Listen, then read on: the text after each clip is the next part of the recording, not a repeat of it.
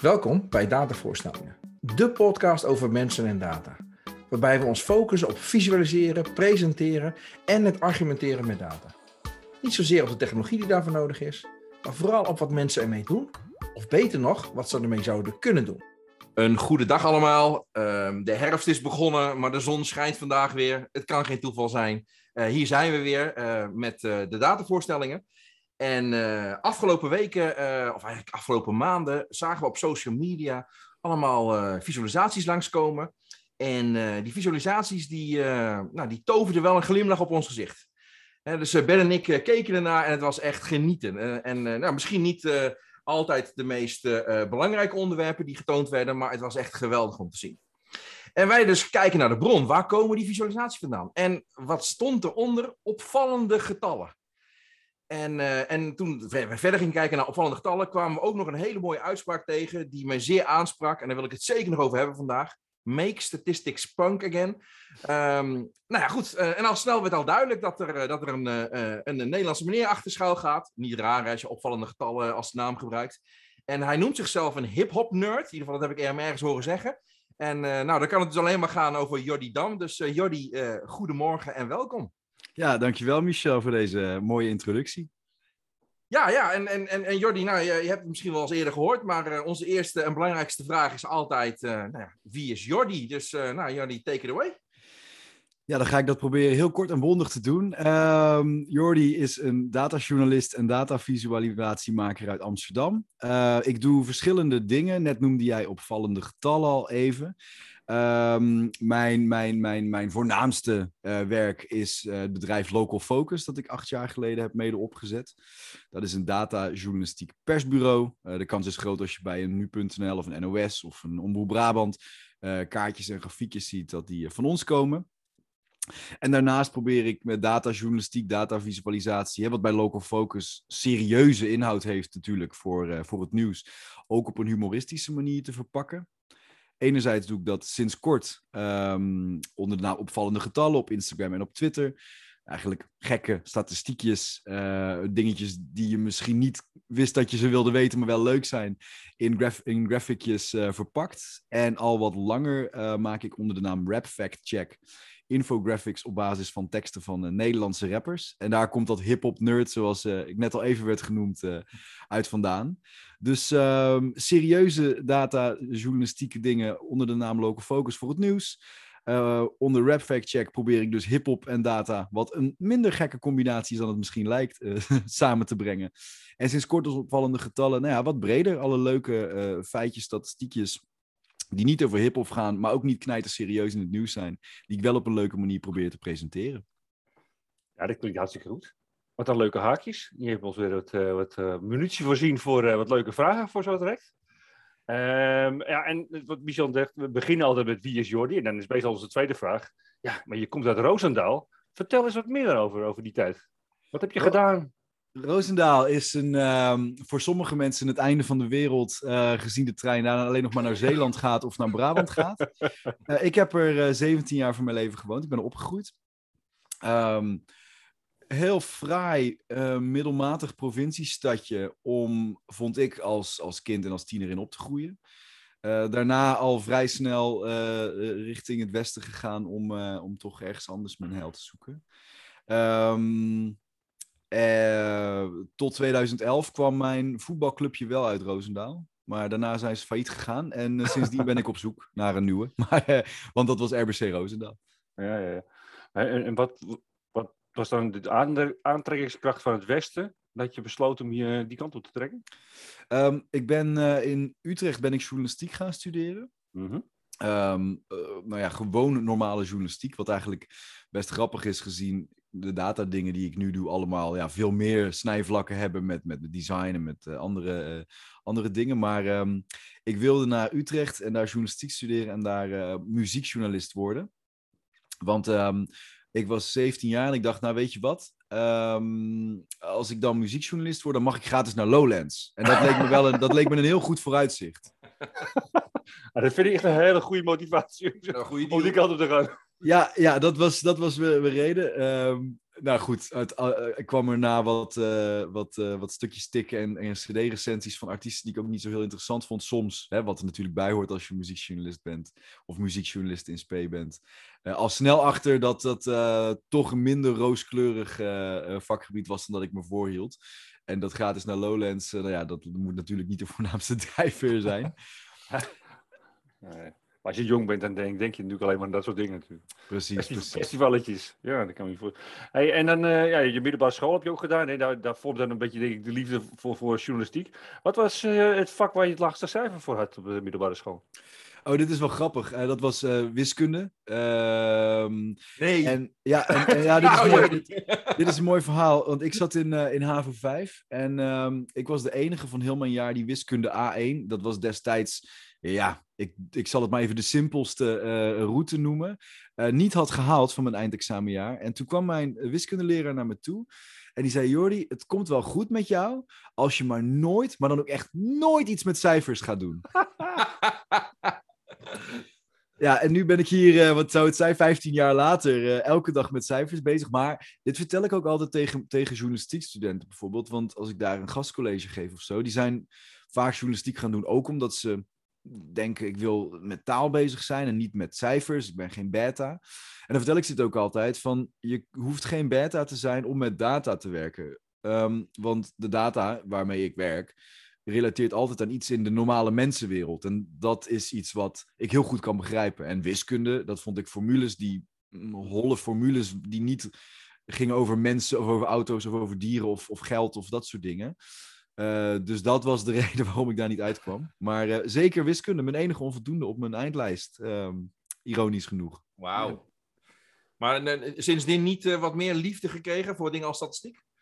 Ja, 100% zeker. Want kijk, toen ik op een gegeven moment um, tijdens mijn studie journalistiek in aanraking kwam, eigenlijk met, met infographics eerst, meer de presentatiekant daarvan, die vond ik in eerste instantie het meest aantrekkelijk aan datavisualisatie ben ik me gaandeweg steeds meer gaan verdiepen in de cijfers die daarachter liggen en mm -hmm. de data-analyse die je daarvoor moet doen.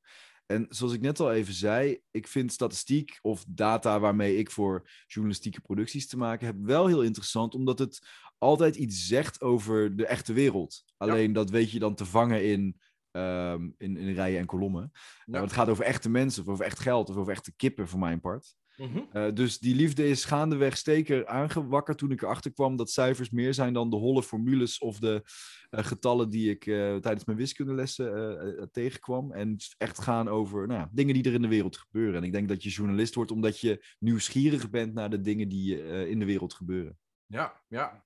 Nou, het is wel aardig dat je dat, dat op die manier brengt. Hè? Dus inderdaad, data-analyse is volgens mij hè, voor een belangrijk deel nieuwsgierigheid. En, en dat zit misschien wel heel erg goed ingebakken in journalistiek. Dus, dus de stap lijkt misschien wat vreemd, maar misschien is die wel helemaal niet zo vreemd. Uh, dus top. hey, maar nog even voordat we, de, de, de, laten we zeggen, naar Amsterdam gaan en allemaal spannende dingen gaan doen. Ik ben nog even één ding willen weten over Roosendaal. wat deed Jordi tijdens de pauze?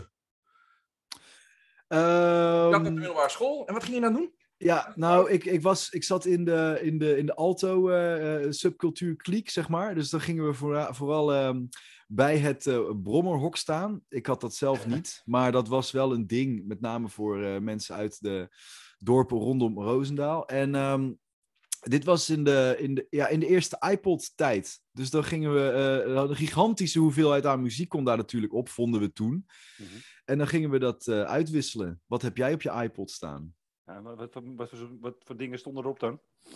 Uh, in, in mijn geval was het, uh, wat ik nog steeds nu luister, enerzijds uh, hip-hop en anderzijds herrie. Dus de, ja. het stevige gitaarwerk. Het kan, het kan, ook wel zeggen, het kan allebei herrie zijn hoor. Maar, Zeker, ja, maar het ene dan op een beat en de andere op gitaren. Dus metal en punk. Oh, ja. ja. ja. mooie combi is dat trouwens.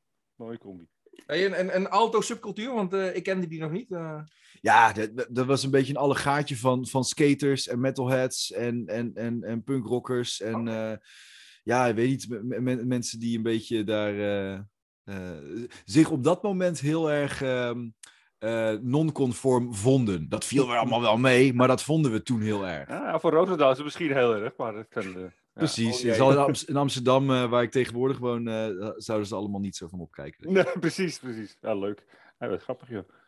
Grappig. Top. hey, maar en, en, en hoe kwam het dan, eh, wa- want je bent de journalistiek, maar dat was alleen maar omdat je muziekjournalistiek wou doen? Was dat de reden om naar journalistiek te gaan in Utrecht? Nou, het is wel, ik ben eigenlijk best wel eh, eh, blij dat ik toevalligerwijs al heel vroeg heb ontdekt dat ik journalistiek leuk vond. Eh, dit was, ik bedoel, heel veel mensen struggelen natuurlijk heel lang met wat voor studie ze willen doen of wat voor richting ze interessant vinden. En dit was het moment in groep 8 dat mijn toenmalige leraar ehm, de opdracht gaf om een eh, verhaal te schrijven. Gewoon een of andere opstel over iets. En toen had ik een verslagje gemaakt van het straatfeest. Ik bedoel, ik was elf, dus dit is de belevingswereld die je dan hebt. Mhm. En wat mensen die op dat straatfeest waren geïnterviewd. En de eh, moeder van een vriendje van mij die dat had georganiseerd. En toen zei die docent eh, ehm, van... "De- opdracht heb je niet helemaal goed gedaan, want je moest een verhaal verzinnen. Maar je hebt wel gewoon een, een, een, een verslag gemaakt, een journalistiek stuk gemaakt. Toen zei hij, dan moet jij eens eventjes... eh, misschien moet je wel journalist worden.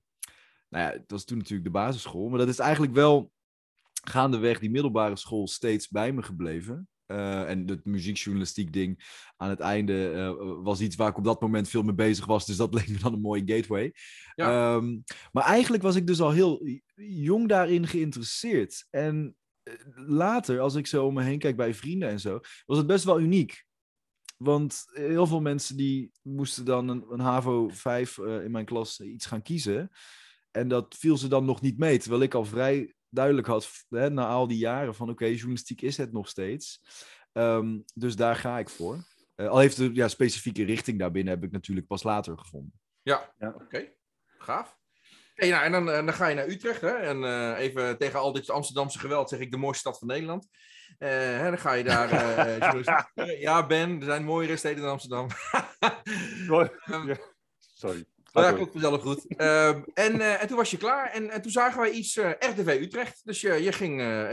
wa- wat ging je daar doen? Wat, wat was het idee? Eh, RTV Utrecht eh, ben ik helemaal begonnen. Al- allereerst als, eerst als ehm, een, een stageplek datavisualisatie. En je moet het even zo zien, dit is 2012. En ehm, vanuit studiejournalistiek kwam ik daaraan van... hey, ik wil iets met, met data doen. Datajournalistiek, datavisualisatie, infographics. En, maar die, die, die richting, die bestond toen nog niet helemaal. Dus je had wel mensen die meer de voorredactionele vormgevingskant deden. En mensen die voor online, want daar heb ik me vooral altijd op gericht tijdens mijn eh, eh, werkzaamheden, wel online stuk nieuwsberichten maken. Maar dat ding kwam nog niet ergens samen. Dus toen moest ik dat zelf maar een beetje uit gaan dokteren. En toen zei ze, nou weet je wat, als jij een plek weet te fixen waar je dat kan gaan doen, go for it. Nou, dat werd dus eh, RTV Utrecht en daarna nog een poosje eh, voor gewerkt ook. En dat was eigenlijk de eerste, ehm, waren de eerste keren dat ik voor een journalistiek medium vanuit regionale data eh, ben gaan zoeken naar nieuwsberichten en dat op een manier presenteren die voor online werkt, of in het geval van RTV Utrecht ehm, voor televisie, dus dat ze animaties werkt. Ehm, en tijdens die periode, ik studeerde toen nog, is ook het, eh, ja, het idee voor Local Focus bij mij gekomen. En Mhm. eh, ben ik dat daarna eh, mede op gaan zetten. Hey, en nog een vraagje over, over, eh, Utrecht, over je Hogeschool van Utrecht. Had je, welke docenten had je dan die daar richting datavisualisatie wat deden? Waren daar, Nou, het- ik heb een minor gedaan ehm, in ja, infographics, design, data visualisatie. Eh, daar zat één eh, docent vanuit eh, de Hogeschool Utrecht bij. Ik weet niet of het relevant is om zijn naam nu te noemen. Maar, Nee, de, het grappige. Nou ja, Goof van de Winkel heeft natuurlijk ook daar gezeten. En eigenlijk ons verhaal van Michel van mij. Ja, we hebben heel veel raakvlakken. En in de podcast ook. Bij elke podcast komt Goof langs. Op een andere manier. Dus ik was ook heel nieuwsgierig. Van, ja, je hebt daar gezeten. En ik weet dat Goof vanuit eh, de Hogeschool Utrecht eigenlijk zijn bedrijf is gestart.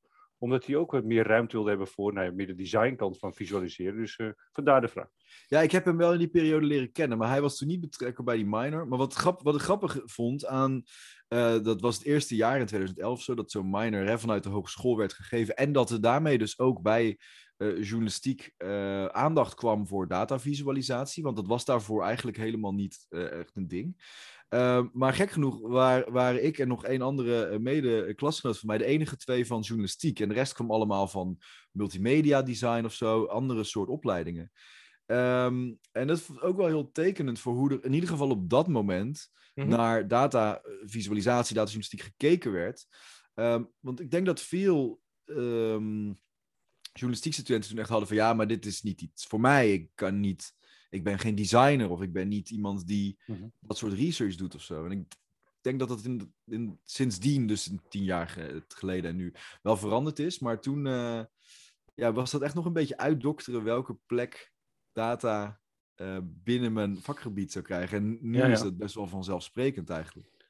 Nee, dat is ook heel herkenbaar als je kijkt naar onze historie. Dat, dat is herkenbaar. Heel herkenbaar. Hey, maar eh, eh, eh, voordat je, want je noemde net al local focus, maar voordat we daar naartoe gaan, je hebt ook nog bij een grote mensenkrant gewerkt, hè? Met NRC. Ehm, Want wat was dat dan? Was dat dan het natuurlijke vervolg op RTV Utrecht? Hoe, hoe werkt dat? Ja, ehm, dit was allemaal nog tijdens mijn studietijd. Maar na mijn NRC-stageplaats ben ik daar blijven werken. En ik ben daar begonnen als infographics designer bij NRC Handelsblad en NRC Next. Mhm. Dus statische graphics op papier. En toen ik daar terecht kwam, eh, dat voelde echt als, als, een, als een warm bad eigenlijk. Ehm, enerzijds omdat NRC een hele toffe plek is, maar ook omdat ik voor de eerste keer een redactietje van like-minded mensen ontmoette, die ook elke dag bezig is met graphics maken. Ja. En daarvoor bij RTV Utrecht was het, het het uitvinden wat datavisualisatie en datajournalistiek zou kunnen betekenen. Binnen mijn studie was het dat continu, want dat, daar had je nog geen keuzevakken of richtingen voor, behalve die minor, die dus ook niet eh, nog helemaal ontwikkeld was, want die was net nieuw. Dus bij NRC kwam ik in één keer met, met mensen die dezelfde interesse en disciplines ehm, deelden. En dat, dat, was, dat vond ik echt heel tof. Ehm, en iets daarna, na dus de- dat ik voor de kranten graphics heb gemaakt, eh, kwam ik bij de online redactie terecht. Of het multimedia team werd dat eh, toen genoemd. Ja. En ben ik ook dingen gaan schrijven en, en, en eh, interactieve graphics voor web, voor nrc.nl gaan maken. Oké. Oh, grappig. Hey, maar in diezelfde tijd hè, kwam ook al local focus toch op, toch? Ik bedoel, eh, Ja, dit was allemaal parallel daaraan. Ehm, Local Focus ehm, is dus een, een datajournalistiek persbureau. En wij zijn begonnen in 2013. Sa- Mijn compagnon Jelle Kamsma en ik. En ehm het is eigenlijk best wel leuk, want wij kenden elkaar helemaal niet. Ehm, behalve een beetje van, van, van Twitter of zo. We hebben wel eens een keer op een congres gesproken, geloof ik. Maar verder geen eh, echte contacten verder. En eh, Jelle die had dit idee voor een datapersbureau met een visualisatieplatform. En die had het gewoon op Twitter gezet van, nou, ik kan dit niet alleen. Ik heb andere eh, nerdy koppen nodig die, eh, die dit ook tof vinden om hier eh, eens wat van te gaan maken. Ehm, en ik als 20-jarige eh, koppige student dacht, nou, dat kan ik wel. Doe maar. Ik heb daar gewoon op gereageerd. En ehm, toen hebben wij samen een traject doorlopen vanuit het Stimuleringsfonds voor de Journalistiek. Ja. Want die hadden destijds een wedstrijd, dat heette de Challenge. En dat was eigenlijk een wedstrijd voor net afgestudeerden of studenten die een tof start-up idee hadden binnen de journalistiek of de media. Maar, nou ja, ik weet niet hoe het bij jullie zat, maar ik was net afgestudeerd. Ik had echt geen rode cent. Dus een startkapitaal of zo om dat bedrijf op te starten, dat eh, ging hem niet worden. mhm. En vanuit die, eh, dat wedstrijdtraject van het Stimuleringsfonds, dat hebben wij toen gewonnen. En hebben we daar eh 20.000 euro gekregen, wat ik echt ontzettend veel geld vond. Ja, zeker, ja. Ja. In, in, in, in grote mensenbedrijventaal is dat natuurlijk peanuts. Maar wij hadden niet op dat moment 10.000 euro op zak om als basis in dat hè, product te steken. Dus ehm, nou ja, dat was eigenlijk een heel logisch eh, vervolg vanuit die studie. Oké, we hebben een, een, een wat startkapitaaltje om wat dingen te gaan bouwen voor Local Focus. En omdat er zeker in het begin nog helemaal geen geld eh, binnenkwam, logischerwijs, eh, heb ik daarnaast dus nog een hele, heel lang aantal jaar voor NRC gewerkt om gewoon, nou ja, en toffe dingen te doen, maar ook gewoon te zorgen dat eh, de boel betaald kon worden. Want het Ja. duurt natuurlijk even vanuit een, eh, een jong bedrijf om daar eh, wat mee te Ja. verdienen. Hey, maar wat, wat jullie, hè, dus je zegt al persbureau, maar ook een platform. Ehm, er was nog geen platform. Ik bedoel, er was nog niet iets waar jullie dachten van, oh, daar kunnen we wat mee? Of wat was de reden om ook een platform te gaan doen? Dat is al een grote keuze, hè? Ja, nee, er zijn natuurlijk veel meer visualisatietools ehm waarmee je online grafieken, kaarten, diagrammen kunt maken. Ehm, nou, kijk, Local Focus is, is echt eigenlijk echt begonnen vanuit de inhoud. Ik zal even een klein stapje teruggaan, maar toen we ermee begonnen, toen werkte dus Jelle Kamsma, mijn, eh, mijn compagnon, werkte bij Nu.nl als datajournalist. Mhm. En hij maakte daar op basis van cijfers een bericht, maar Nu.nl heeft natuurlijk een landelijke inslag. Dus daar stond bijvoorbeeld wel een kaart met, nou, zeg, inbraken per gemeente bij. Maar het is één bericht en dat is het dan. En het kaartje, daar moeten mensen dan zelf maar uitkiezen. Nou, hij vond dat destijds zonde, want hij dacht, er zit niet ehm, één verhaal met een of ander kaartje erbij, maar wel 350 verhalen in die dataset. Want elke gemeente of, of regio kan daar weer iets anders uithalen. Ehm, dus dat was voor hem het idee van er moet een manier zijn om datasets die heel rijk zijn aan, aan, aan, aan informatie, op een andere manier te verspreiden dan één keer en pas boem, dat is het dan. Nou, ik haakte daar dus op aan vanuit RTV Utrecht. Ik zat daar toen en ehm, dit was een beetje in de nasleep van de, van de crisis. Dus het was zeker in de journalistiek geen vetpot om allerlei nieuwe mensen aan te gaan nemen om dingen te proberen. Dus hoewel daar heel veel interesse was in datajournalistiek en het presenteren van cijfers, ja, een FTE daarvoor vrijmaken, dat, dat ging gewoon niet. Hm. Dus toen Jelle kwam met het idee van, we gaan, als we daar nou een soort persbureau-formule van maken, waarbij je één dataset voor meerdere regionale bronnen kunt ontsluiten, dan zou bijvoorbeeld een regionale omroep zoals RTV Utrecht, maar ook andere, wel met data-journalistiek en datavisualisatie toffe dingen kunnen doen. Ja. Dus dat kwam allemaal bij elkaar. Ehm, en eh, vandaar die, die persbureau-functie dus met de inhoud. Maar ja, dat moet je op een manier presenteren. En we hebben gekeken van kunnen we dat met bestaande tools doen, maar omdat we dan toch altijd afhankelijk zijn van wat een andere platform, een andere grafieke tool eh, doet, Ja. eh, hebben we dat niet gedaan. En hebben we met Erik Willems, de developer waar we ook mega toevallig eh, tegenaan liepen, eh, de hele boel zelf ontworpen en ontwikkeld. Tof. Wat grappig. Oh, nu Ja, snap ik de naam Local Focus. Ja, wij zijn echt begonnen als, als, als, als, als dataplatform voor regionale en lokale journalistiek. Maar dat is eigenlijk steeds breder geworden. ehm, met veel landelijke media als klant en, en gebruikers daarbuiten, zoals overheden of onderzoeksbureaus. Mhm. Dus voor een deel van wat we doen is Local Focus nog een hele passende naam. Voor een ander deel ook niet. Maar ja, dat is nu eenmaal de naam van het beestje. Ehm, Dus, dus maar vandaar. Oké, maar even nog even één vraagje. Want, ehm, dus ja, we kunnen met Local Focus kunnen we ehm, eh, met onze eigen data eh, een, eh, een visualisatie maken. Maar betekent het ook dat de datasets die er al in zitten, dat die ook beschikbaar zijn voor de gebruikers? Ja, dus dat is het, het, de combinatie die we hebben. Eh, Local Focus is dus enerzijds een tool, daar kun je grafiekjes mee maken. En anderzijds een persbureau. En wij hebben dus een eigen redactieteam van datajournalisten die elke dag kijken naar relevante datasets die in het nieuws zijn of bij het nieuws aansluiten. En die visuali- visualiseren wij vervolgens al in dat, in dat platform, in die Local Focus omgeving. En dat is heel handig, want nou, ik pak even een voorbeeld. Op het moment dat er nieuwe huizenprijscijfers er zijn, eh, dan kan een redacteur van Omroep Brabant, die, die, die weet dat dat eraan komt, wij hebben die agenda gepubliceerd, inloggen, stuk maken voor zijn eigen regio, die visual met een uitsnede van de gemeente in Brabant eruit plukken, die ook meteen in hun huisstijl komt te staan. En dan hoeft die redacteur niet in de, in de data te gaan vroeten, wat misschien helemaal niet de expertise is, of de snelheid daar niet voor heeft. Ja. Dus, ehm, dus je kunt zelf grafieken maken, maar vooral het deel waar ik mee bezig ben, is iets wat wij de nieuwsdienst noemen. En dat zijn dus die artikelen en visualisaties die, de, die wij er zelf in stoppen en media eruit kunnen halen. Nou, maar het is interessant, want je hebt dus als het ware een soort datafabriekje gemaakt, waar, hè, waar je dus data verzamelt over belangrijke nieuwsfeiten die jullie dan zelf scrapen vanaf, nou ja, hè, overal en nergens. En die zet je dan klaar. En, en want dat is ook de, de manier waarop mensen dan eh, eh, een abonnement kopen bij jullie, en dat ze dan bij die data kunnen en hun eigen dingen ermee kunnen doen. Ja, ja precies. Ja, ja, ja. En een, een groot deel van de ehm, regionale, of eigenlijk alle regionale titels en wat landelijke, zoals bijvoorbeeld de Telegraaf, die zijn allemaal geabonneerd op de nieuwsdienst. Dus die eh, eh, halen dan de dingen die wij erin inzetten eruit. Sommige titels, bijvoorbeeld een financieel dagblad, die hebben zelf allemaal knappe koppen met cijfers. Die hoeven niet onze analyses, maar die gebruiken wel de tool om grafieken te maken. En de correspondent doet dat bijvoorbeeld ook op die manier.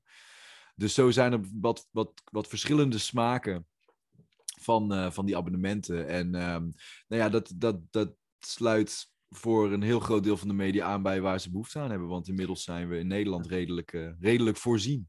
Nou, het is wel gaaf dat je het FD of de Telegraaf jullie dien- nieuwsdienst gebruiken voor hun eigen ja, eh, nieuws in de krant in te zetten of op hun site in te zetten. Dat is Ja. toch een cool, eh, cool idee. Ja, ik, ik vind het heel tof dat ehm, we bestaan nu acht jaar en ik zat met eh, twee andere oprichters even te reflecteren van wat doen we nu allemaal, wat willen we nog allemaal doen.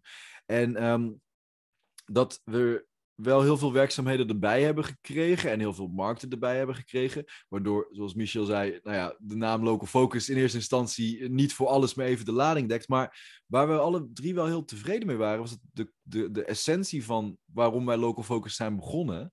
Namelijk datasets, datasets op, een, op een makkelijke manier ontsluiten voor heel veel verschillende mediaorganisaties met een regionale inslag. Ja. Dat we dat nog steeds doen. Dus Ja. dat, dat blijkt toch iets te zijn wat heel goed bij veel redacties past en binnen hun werkwijze past. Nou ja, of je het begon al eh, voor de uitzending begon je over de, de niche van deze, de- van deze podcast. Maar je zit ook in een niche, wat, heel, wat je al zei, mensen hebben geen FTE beschikbaar om dit werk te doen. Of willen dat niet doen, want het kost gewoon heel veel, geld, heel veel geld natuurlijk in deze moeilijke tijden voor media. Ik kan, me- ik kan wel op- begrijpen dat je voor je voorziet van, eh, van, van een behoefte. Dus eh, super gaaf. Wat leuk om te horen. Ja, Ja. en ze- zelfs voor, want toen we dan bij, bij, bij eh, wat grotere redacties voor de eerste keer aankwamen, die wel mensen hebben die dit soort dingen doen, Mhm. dan was het een beetje van, oh, ga je nu eh, eh, Ja. brood, eh, brood opeten, weet je wel? Maar-. Kijk, wat wij doen, dat zijn vaak dingen die snel moeten. Ik noem huizenprijzen, nou ja, whatever, coronastatistieken, dat soort dingen. Als we dat op een hele efficiënte manier aan kunnen bieden, dat de FD's van deze wereld en de Omroep Brabants en de eh, Telegrafen dat heel snel door kunnen routje bij hun artikelen of dingen in de krant, dan houden de specialisten die dat soort dingen ook moeten doen, maar misschien niet heel warm worden van elke dag weer die coronastatistiekjes, die wij veel sneller kunnen leveren. eh, houden zij tijd over om andere grotere projecten op te zetten, die wij niet op die manier kunnen tackelen. Ja. Ja. Dus dat was in het begin eventjes soms een beetje van, oh, ga je nu mijn baan eh, automatiseren, zeg maar. Maar dat blijkt dus helemaal niet zo eh, te zijn. Nee, want ik begrijp ook bij de FD, FD die, hebben, die gebruiken dat en die hebben hun eigen, weet je, wel, ook een eigen huisstijl eroverheen. Hoe, hoe zit dat dan? Nou, kijk, eh, toen wij eh, Local Focus ontwikkelden, zijn we met een aantal partijen gaan praten. FD was daar één van trouwens, een van de eerste gebruikers. Van waar heb je bij zo'n dienst nou behoefte aan om dat in jullie redactiesysteem echt te krijgen? Hè? Dat iedereen daarmee kan werken en iedereen daar ook tevreden over is. Nou, dan zijn het een paar dingen. Eh, een deel gaat over gebruiksgemak. Dat niet alleen de techneuten moeten weten hoe zo'n tool is, maar in principe iedere redacteur die acht omzetcijfertjes heeft en even een barchartje wil maken, dat erin kan knallen. Eh, dat is de ene kant van het verhaal. De andere kant was ehm, dat het, ondanks dat het met een webtool gemaakt is die veel meer media gaan gebruiken, dat het wel echt de look en feel van ons medium, in dit geval het FD, heeft. Mhm. Dus wij hebben voor eh, die titel, maar eigenlijk voor alle eh, van die betalende klanten doen we dat. Een, een huisstijl ontwikkeld waarin bepaalde dingen als kleuren gedefinieerd zijn en lettertypes. En nou ja, soms gaat het heel ver tot hoe dik het stippellijntje moet zijn van, van, van de, de asverdeling of zo. Dus we kunnen dat allemaal doorvoeren. En het is een beetje hoe eh, ver eh, een titel daarin wil, eh, wil gaan. Maar ehm, dat hebben we eigenlijk vanaf het begin van, oké, die huisstijl die moet goed te customizen zijn. Zodat je echt het idee hebt, hey, ik zie een FD-graphic en die is toevallig met Local Focus gemaakt. Fine, hè? Maar eh, ik heb het idee dat dat helemaal in die vormgeving past. En dat is iets wat in de krant natuurlijk super vanzelfsprekend is, dat graphics zo'n zo'n vormgeving hebben. Mhm. Maar in 2013, toen we hiermee begonnen, eh, was dat online eigenlijk nog helemaal niet zo vanzelfsprekend. Want dan hadden titels gewoon, oh, ik heb een Go- Google Charts, was toen bijvoorbeeld een ding. Nou prima, kan ik een mooi grafiekje mee maken. Maar dan had het helemaal niet de feel van de vormgeving van dat medium. Dus Ja. daarom zijn wij daar eh, ja, meteen op gaan zitten. Oké, maar, maar, maar Jordi, eh, want eh, je hebt het over media die zowel online als offline iets doen. Nou, in, in de, in de drukomgeving eh, is kleur altijd een hele spannende. Eh, doen jullie daar nog iets bijzonders voor? Want ik bedoel, eh, kijk, een kleurtje op een scherm krijgen is al moeilijk om het elke keer dezelfde te houden. Maar afdrukken is al een heel andere sport. Ja, zeker. Ja, dit is, ehm, dit is wel een leuke, want eh, we zijn echt begonnen als webtool, maar kregen al vrij snel de wens van, van gebruikers, ook binnen en buiten de media, van hey, ik heb hier een kaartje gemaakt, moet ik het dan nog een keer met andere tools gaan doen voor print of zo? Ja. Niet zo efficiënt. Dus ehm, het is in onze webomgeving mogelijk om ehm, graphics te exporteren als vectorbestand. En eh, dat was, nou ja, je zegt het heel goed, Michel. Dat is eh, nog niet zo makkelijk eh, als dat, het, dat je zou denken dat het is. Even een pdfje uitpoepen. Maar dat moet dan omgezet worden naar CMYK-kleuren, terwijl het normaal gesproken RGB is. Ja, En dat hebben we ook, ja, dat noemen we de printstraat. En dan wordt er zo'n kaart daar doorheen gestuurd en dan komt er een, een pdfje uit. Maar dat is iets wat, ehm, ja, wat nog best wel wat voet in de aarde had. Maar wat ik wel een hele leuke eh, eh, vind dat we dat hebben kunnen doen. En dat is wel grappig, want dat is niet iets door, eh, wat door eh, media, nou ja, niet per se de traditionele journalistiek bij ons is gekomen, maar door de vakbladen van onder andere boerderij.nl. Ehm, die hebben heel veel grafiekjes over eierprijzen en, en, en dat soort, de, de, de, ja, de mestprijzen, dat soort dingen, in die, van Ja. die tijdschriften. En die kwamen bij ons van, hey, we gebruiken Local Focus. En nu hebben we dan nog een designer, die moeten we inhuren steeds om, ehm, om die losse grafiekjes te maken. Dat zijn allemaal kleine frutsels. Dat is ook niet zo heel spannend, maar je wil het wel even erbij hebben als het over eierprijzen gaat. Mhm. En toen hebben we dat ontwikkeld, van dat eh, dat, dat ehm, makkelijk geëxporteerd kan worden. Eh, en dat het eigenlijk ook één op één, als je even de kolombreedte zo invult, afgedrukt kan worden in zo'n in zo'n tijdschrift. Ja, ja, ja zeker. Ja, ja, goed, het, het zijn natuurlijk dingen waar we online misschien wat minder bij stilstaan. Maar je krijgt natuurlijk eh, ja, hele kleine eh, gebiedjes. En die kleuren moeten precies hetzelfde zijn. Dus eh, gaaf. Leuk. Hey, eh, nog, een- nog, nog één vraag, sorry Michel. Want Ja, wij als uh, orthodoxen hè, moeten natuurlijk even de vraag stellen als, eh, als zo'n platform wordt gestel- eh, neergezet. Zitten er ook nog bepaalde regels eh, aan die visualisaties als je zo'n platform beschikbaar stelt aan bijvoorbeeld het FD? Eh. Hoe bedoel je regels? Nou ja, regels bijvoorbeeld een staafgrafiek maken dat het altijd op nul begint. Of eh, nou, t- t- 3D-formatting of eh, nou, dat soort dingen. Ja, 3D is, is altijd verboden, hè? Dat hebben we... dit- 3D-staafdiagrammetjes en zo, dat gaat het niet worden. Nou, weet je, wij, wij, wij hebben daar wel heel erg over nagedacht. Want ehm, omdat onze tool gebruikt wordt door ehm, heel veel redacteuren, niet per se de data of niet alleen de data specialisten, moet het heel foolproof zijn. En daar hebben we wel over nagedacht dat er bijvoorbeeld bepaalde waarschuwingen gegeven worden. Ehm, als je een taartgrafiek maakt, eh, je hebt heel veel taartpunten geselecteerd. Controleer nog even of je dit wil doen, zeg maar. Mhm. Eh, als afbreken kan, want er zijn gevallen waarbij je dat wil eh, kunnen doen. Maar het zit wel een beetje verstopt. Hebben we bewust gedaan. Zodat je niet denkt, oh ja, je lijngrafiek, oh, ik breek hem even af, ziet het er mooi dramatisch uit. Maar dat je heel bewust moet nadenken, waarom kan ik dit in dat geval doen? En welke twee klikken moet ik daarvoor? Ja. Dus de, er zijn wel functionaliteiten waar we dat eh, een beetje proberen te, aan te geven. Van oké, je maakt nu een grafiek die misschien niet goed leesbaar wordt of niet goed duidelijk is. Of ehm, als je zo'n eh, de nulas niet wil beginnen, eh, dat je daar echt even over na moet denken. Om, Mhm. dat, om die stappen te doorlopen. Oké, cool. Ja, dus je helpt eh, je gebruikers het om het goed te doen. Hè? In ieder geval om over na te denken. Ja, dat proberen we wel. Want kijk, dit is, we hebben ervoor gekozen voor een breed publiek, zeg maar, aan, aan, aan, aan vormgevers, journalisten, mediamakers, communicatiemensen, whatever. Die tool aan te bieden om daar met hun eigen data aan de slag te gaan. Ehm, maar daar kunnen we niet verwachten dat, het, dat iedereen evenveel theoretische kennis van de grafieken heeft. Of dat heel vaak doet überhaupt. Ja. Nee, dat, be- daar, dat is ook mijn vraag. Ja, klopt. Nou, dankjewel. Eh, Ik denk dat dat een hele grote stap zou zijn. Hè? Als, de, als tools inderdaad de standaard instellingen, dat die al de juiste zijn. En, dat, eh, en ja, als je echt wil, dan mag het wel. Maar dan moet je er wel wat voor doen. In plaats van dat het standaard al niet klopt. Dus dat, eh, ja, tof. Nee, maar en, en ja, ehm, ik, wil natuurlijk heel graag naar, naar jouw landelijke bekendheid. Hè? Want jij zat aan tafel bij De Wereld Draait Door.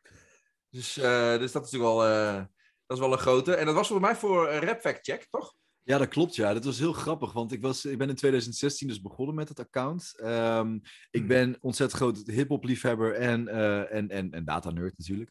Ehm, en op Rap Fact Check combineer ik die twee dingen op Instagram en ook op YouTube tot infographics op basis van teksten van Nederlandse rappers.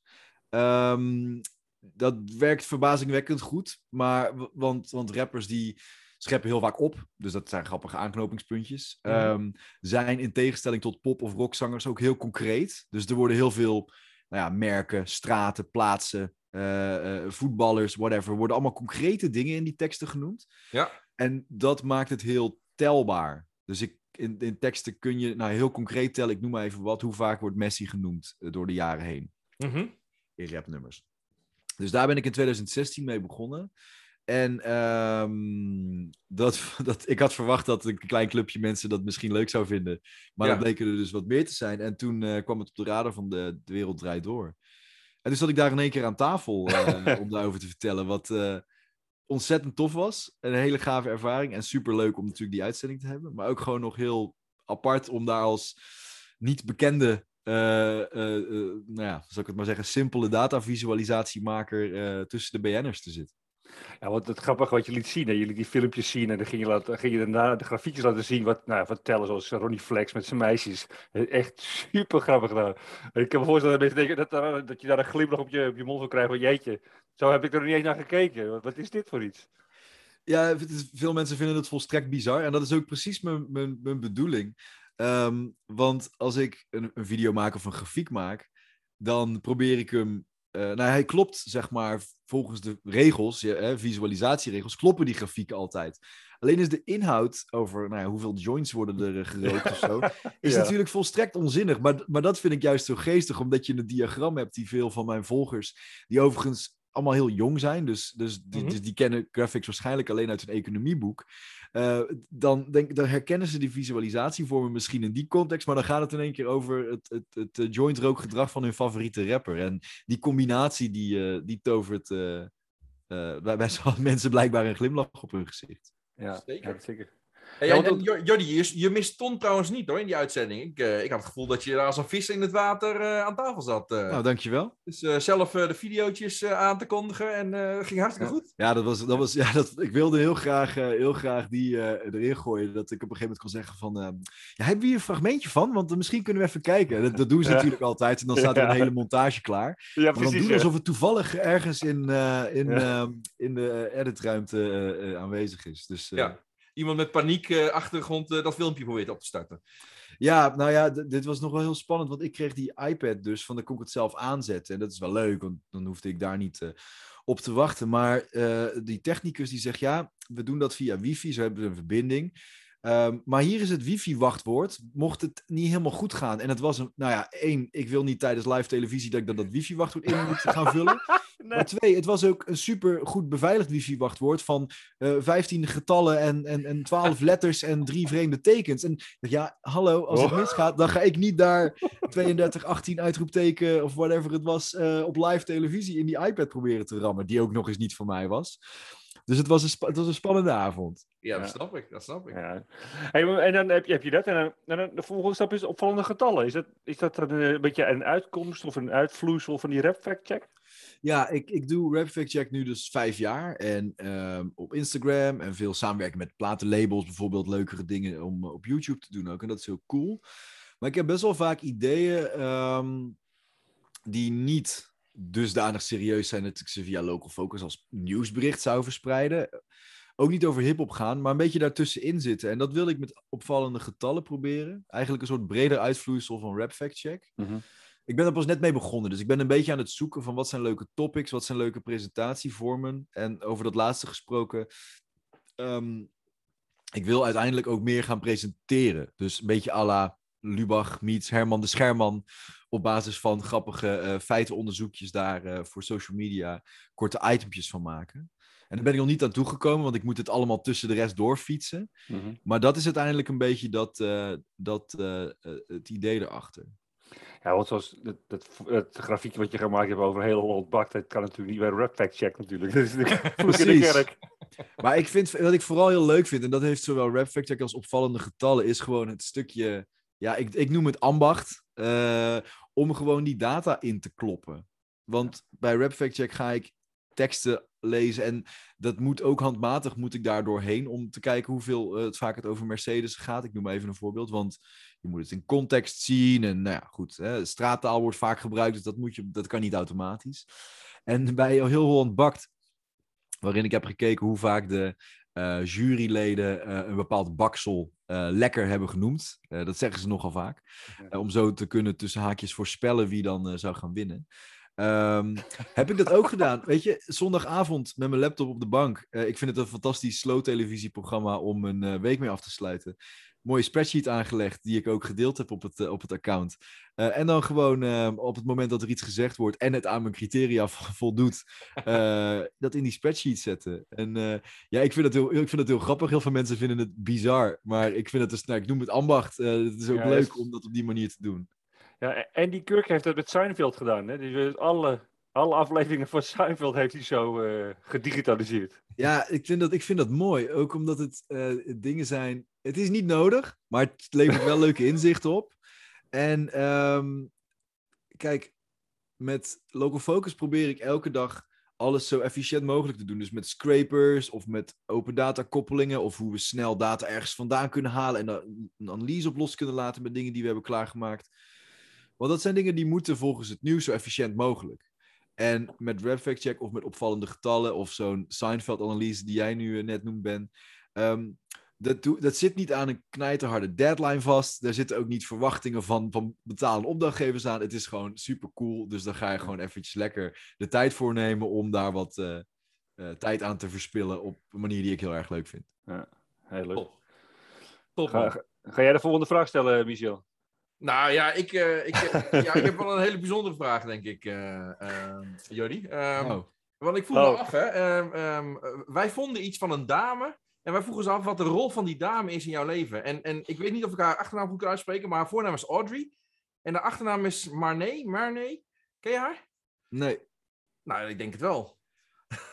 Ik ben heel benieuwd, eh, wat heeft zij gedaan? Nou, ehm, eh, zij is een model en actrice. En eh, Ja. zij heeft eh, model gestaan voor een bepaalde plaat. En, oftewel de plaat eh, Jane Doe. Oh, tuurlijk. Ja, ja, ja, ja. Ik, ik had haar naam even zo niet, eh niet op de raad. Ja, Ja, de rest van de luisteraars wil nu heel graag weten wat je... ja ik, ik, zit- ik, zit, ik, ik zit te denken, wie, wie is Audrey en wat heb ik allemaal op internet uitgespookt in een duister verleden? Ja, dit is grappig. Ehm, het is al een paar keer deze podcast over muziek gegaan. En ik hou dus van hip-hop en erg van herrie. Metal, punk, het zwaardere eh, gitaarwerk. Eh, mijn favoriete band daarbinnen is de Amerikaanse hardcore punkband Converge. Ehm, je mag het opzoeken. Eh, het is echt takkenherrie. Ik hou ervan. en hun meest legendarische plaat heet eh, Jane Doe uit 2001. En de beeldenis daarvan, het artwork, heb ik eh, laten tatoeëren. Ehm, eh, als een van de inmiddels nou, tientallen plakplaatjes op mijn lichaam. Ehm, en dat is een iconisch artwork binnen de scene. Eh, maar dus al twintig jaar oud. En de maker, dat is de zanger van de band ook, die zei altijd van... Dit is niet een bestaand persoon. Ik heb dit op basis van meerdere dingen samengesteld. Dit is een, een artist. eh, impressie van een vrouw die daar binnen dat thema past. Tot een maand geleden er een, eh, een, een, een, model aanklopte. En die zei van, nou, wacht eens even. Ehm, ik weet niet waarom dit pas na twintig jaar is gebeurd, maar dit ben ik. En Ja. zij postte een foto van inderdaad, nou ja, de, de, de belichting, de beeld van onder, de, de kaaklijn die heel kenmerkend is. Die zie je echt supergoed op die foto. En de band The Converse, die moest dus ook echt even door het stof, omdat die zanger, eh, nou ja, heel erg eh, eh, volhardend altijd was van, nee, dit is mijn eigen verzinsel. Maar als je de foto naast het artwork ziet, is het een... een één op één kopie eigenlijk. En dat is helemaal niet zo erg, behalve dat hij dat dus altijd zo vol heeft gehouden. Maar nu snap ik, eh, Michel, ik had haar naam even niet zo paraat. Ik heb dus, eh, wat is Audrey, eh, nog wat? eh Marnay, denk ik. Maar nee. Marnay, die heb ik dus ehm, eh, via een omweg, eh, via de band Converge, op mijn arm getatoeëerd staan. Ja, en we- en weet je wat nog het allerleukste is? De, de, de foto eh, die er gebruikt wordt, die is gemaakt door een Nederlandse fotograaf. Dat klopt, ja. Om het, cirkeltje alweer rond te maken. Heel het cirkeltje rond. Ik ben heel benieuwd of dit ook nog gevolgen gaat krijgen. Dus natuurlijk in Amerika is het eh sue, eh. Eh, vaak de cultuur. Ik weet niet of ze dat nog gaan doen. Maar ik vond het in ieder geval een hele, hele bijzondere gebeurtenis een maandje of zo of wat geleden. Nee, helemaal top. Ja, en, en wij hebben dus ook, eh, want wij kenden de, de groep eh, Converge niet. Dus wij hebben eh, wat zitten luisteren. Zit te En ik sluit, je- ik sluit me aan bij wat je zei, Jordi. Het is Harry. Ja, het is pittig. Het is pittig. Het is wel grappig, want de artwork waar nu, we- over we het nu hebben is, is, is, is een beetje duister, maar best stijlvol. Met zo'n vrouwenhoofd erop en zo. En ehm, veel mensen die verwachten niet dat de muziek bij die artwork hoort. Eh, als ik het ze laat horen. Nou ja, en ik eh, moet, je, ik moet je bekennen, ik vind eh, eh, een beetje hard op een gitaar spelen, vind ik ook wel mooi om aan te luisteren. Eh, wat ik niet trok, was het geschreeuw van, eh, ik denk de zanger. Eh, dat gaat mij net een stapje te ver. Dus dat, eh, Ja. Zeker, dat, eh, dat, eh, dat, dat is op geen enkele manier meer te verstaan, nee. Nee, nee, nee, in ieder geval niet bij mij. Ik, eh, ik, ik kon het niet verstaan. Bij mij ook niet hoor. Maar, maar de fusion tussen hardrock en gitaar is natuurlijk al eh, heel oud. Hè? Met, eh, met eh, Aerosmith en Run DMC als een van de eerste natuurlijk die dat eigenlijk samen hebben gebracht in één plaat. Tussen, tussen hard rock en hip-hop. Ja, dat klopt, ja. Ja, ja. Ehm, het, het zijn allebei vaak eh, eh, boze mannen. Eh, Oh, dus dat ik is- denk dat, dat denk dat het het raakvlak is. Cool. Maar je Ja. komt niet, ons niet over als een boze man, eh Jordi. Nee. Nee, nee, ik ben helemaal geen boze man. Maar eh, het, het kan. ehm, eh, het, het, is wel le- lekker als uitlaatklep. Beide Oh. Ja, misschien, misschien ben je geen, niet zo boos dat je de bassist bent en geen gitarist. Dat kan natuurlijk wel. eh. Ja, dat zou, dat zou kunnen. Ja, Er zijn toch wel iets wel andere types in de band, eh, de bassisten. dat is waar. Hey, en, en, en hoe zit het dan met Make Statistics Punk Again? Ja, dit is grappig. Ehm, eh, ik, ik las in, ja, in 2013 of zo een artikel. En het was een blog, ik weet niet of het van de New York Times was, niet van een Amerikaans medium. En daarin vergeleken ze ehm datajournalistiek met, eh, op dat moment, hè, met de punk-ethiek van de jaren 80. Eh, vond ik als punkliefhebber natuurlijk heel mooi. Ook wel een beetje vergezocht, maar het werd helemaal zo gebracht van ja, de DIY mentality, mensen die zelf iets proberen en zich doorvechten in het gevestigde medialandschap. Um, en daar, dat, daar moest ik uh, aan denken toen ik met opvallende getallen begon en een uh, een beetje bizarre slogan nodig had die ook natuurlijk helemaal nergens op slaat. Uh, maar toen dacht ik van, nou ja, weet je, nu zijn we acht jaar verder en is het dan zogenaamd statistiek of datajournalistiek mainstream geworden. Laten we het dan weer eens punk gaan maken. Kijk. Um, oh, goed, maar verder is het ook gewoon een erg leuke. hij doet het goed op stickers die ik heb laten maken. Dus oh, ja. ik ben al aan het overanalyseren hoor. Maar dat zit erachter. Nou, het grappige, dit heb je toch ook op het podium van het ADE gebracht, hè? Amsterdam Dance Event. Uh, ja, dat klopt inderdaad. Bij Amsterdam Dance Event twee keer tijdens het de Beats-congres. Dat is gericht op, op, op hip-hop vooral. Um, een dwarsdoorsnede van de Nederlandse hip-hop-industrie gegeven. op basis van allerlei streamcijfers en andere statistieken die ik, die ik verzamel. En dat was heel tof, want um, dus, eh, bij die ADE Amsterdam Dance Event kennen veel mensen natuurlijk als de feestjes hè, en de clubs uh, natuurlijk. Maar overdag is daar een heel uitgebreid congresprogramma. En die zaal zat eigenlijk bijna helemaal vol met mensen uit de muziekindustrie, uit de hip-hop-industrie. En um, het was best wel leuk ook dat zij naar mij toe kwamen en de cijfers over de nou ja, uh, marktaandelen van de platenlabels bijvoorbeeld, of streamdingen van het genre als geheel die ik allemaal had berekend dat die voor hen ook nieuw waren. Dus oh. zelfs voor. Ja, omdat dat, dat, dat, dat is niet iets wat je zo standaard uit Spotify kunt trekken. Ja, wel voor artiesten of zo, maar niet voor een scene als geheel. En ik hou dat allemaal handmatig uh, in een sheetje bij elke week, die, uh, die getallen. Um, dus zelfs daar zaten nog wel wat ontdekkingen voor de mensen die daarbij waren. Dus dat um, was een coole ervaring om dat zo te presenteren aan, aan de bobo's. Gaaf. Leuk man, leuk. En ik neem aan dat de bobo's in de hip-hop scene er anders uitzien dan uh, bobo's bij een uh, verzekeringsmaatschappij. Uh, ja, nou, ik, ik, zeg, ik zeg bobo's, maar over het algemeen zijn het gewoon hele relaxte mensen hoor. Dat, daar wordt niet in, een, in een pak moeilijk over gedaan of zo. Nou ja, misschien wel een goudpak of zo, dat lijkt me dan wel. Dat zou goed kunnen, ja. In ieder geval heel designer. Dat zal, dat ja. zou het dan wel kunnen zijn. Hey, en, en, nog één dingetje, want uh, um, even meer over de inhoud. Waar, wij uh, zaten op Local Focus te kijken en wat ander werk wat we van je vonden. En een van de dingen die heel erg opvalt, is dat je heel veel gebruik maakt van kaarten. Klopt. En, en van waar die fascinatie voor kaarten? Dus voor, voor, geografische kaarten. Ik denk dat die fascinatie voor kaarten al heel erg jong erin zat. Um, ik denk dat het bij meer makers is trouwens, hoor, die als kind nou ja, gebiologeerd door een atlas konden bladeren. Um, ik denk dat ik een jaar of zeven was of zo toen ik de Junior Bosatlas uh, kreeg. Uh, een, compacte versie van de grote Bosatlas. En dit, op dat moment viel dat niet op zijn plek hoor. Maar toen ik dit werk ging doen, kwam dat eigenlijk allemaal bij elkaar. Um, want ik was wel een beetje geïnteresseerd in de geografische kaarten, maar eigenlijk vooral in de thematische kaarten achterin.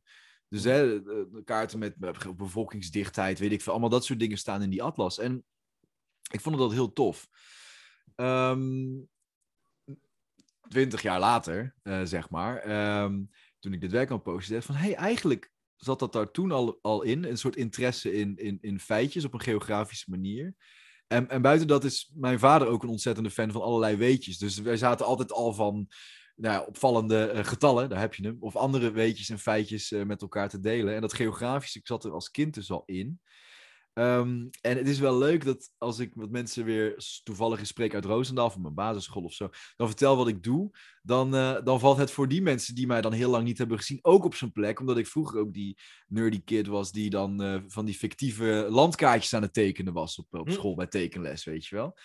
Dus um, wat dat betreft is het best wel logisch dat ik van jong jochie in, uh, gebiologeerd in de grote bosatlas via uh, de fictieve landkaartjes die ik in schriftjes uh, tekende, tot ja, de, de, de kaarten die ik nu voor Local Focus natuurlijk veel maak met de regionale data en voor RapFact, als het even kan, ook.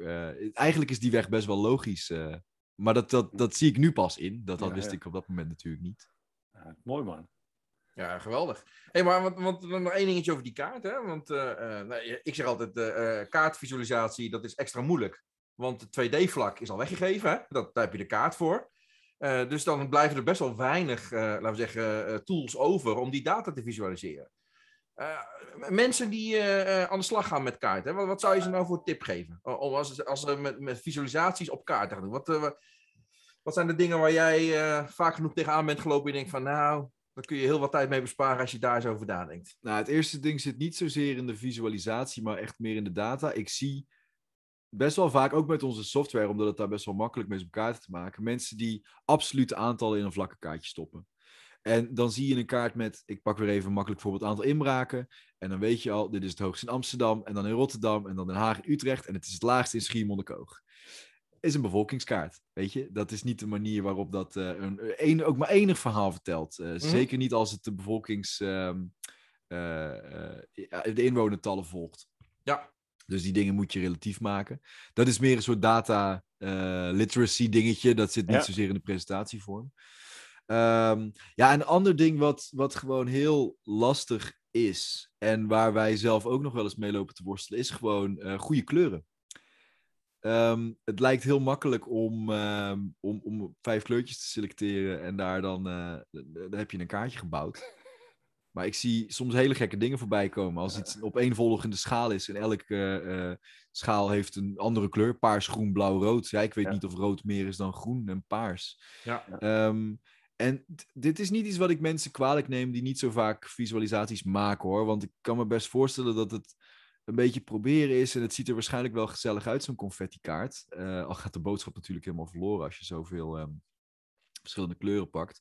Maar ik denk dat daar een beetje een taak ligt van eh, enerzijds bedrijven zoals wij, Local Focus, ook van opleidingen, ehm, om de datageletterdheid, ik noemde het woord al een paar keer, en de visualisatiegeletterdheid van mensen die dat uiteindelijk moeten maken, dus daar nog op orde te krijgen dat je niet alleen weet hoe je kleurtjes toe moet kennen aan een gemeente, maar vooral ook waarom je dat op die manier doet. Ja. Met verschillende kleuren of opeenlopende kleuren. Er zit een stukje onderwijs in, denk ik, wat eh, heel belangrijk is. Ja, is een visuele geletterdheid, eh, inderdaad. Ja. ja, zeker. Leuk.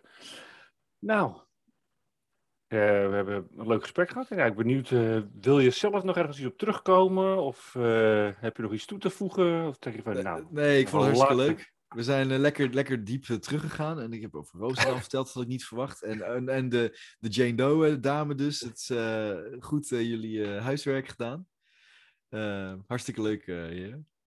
Nou, eh, dan wil ik je bedanken voor het hartstikke leuke gesprek. Eh, natuurlijk hopen je gauw eh, ook een keer weer live ergens tegen te komen. Want daar draait het natuurlijk om. We hebben dit ges- de, de podcast gestart om leuke gesprekken te voeren. Maar niks is natuurlijk nog leuker om elkaar weer live tegen te komen. Dus we hopen je gauw eens ergens tegen te komen en bij te kletsen. Eh, we, nou, we willen bedanken voor het leuke gesprek. Eh, veel succes verder met de Local Focus en, eh, en de hashtags. En eh, nou, wellicht tot gauw. Dankjewel. Hoi. Hoi hoi.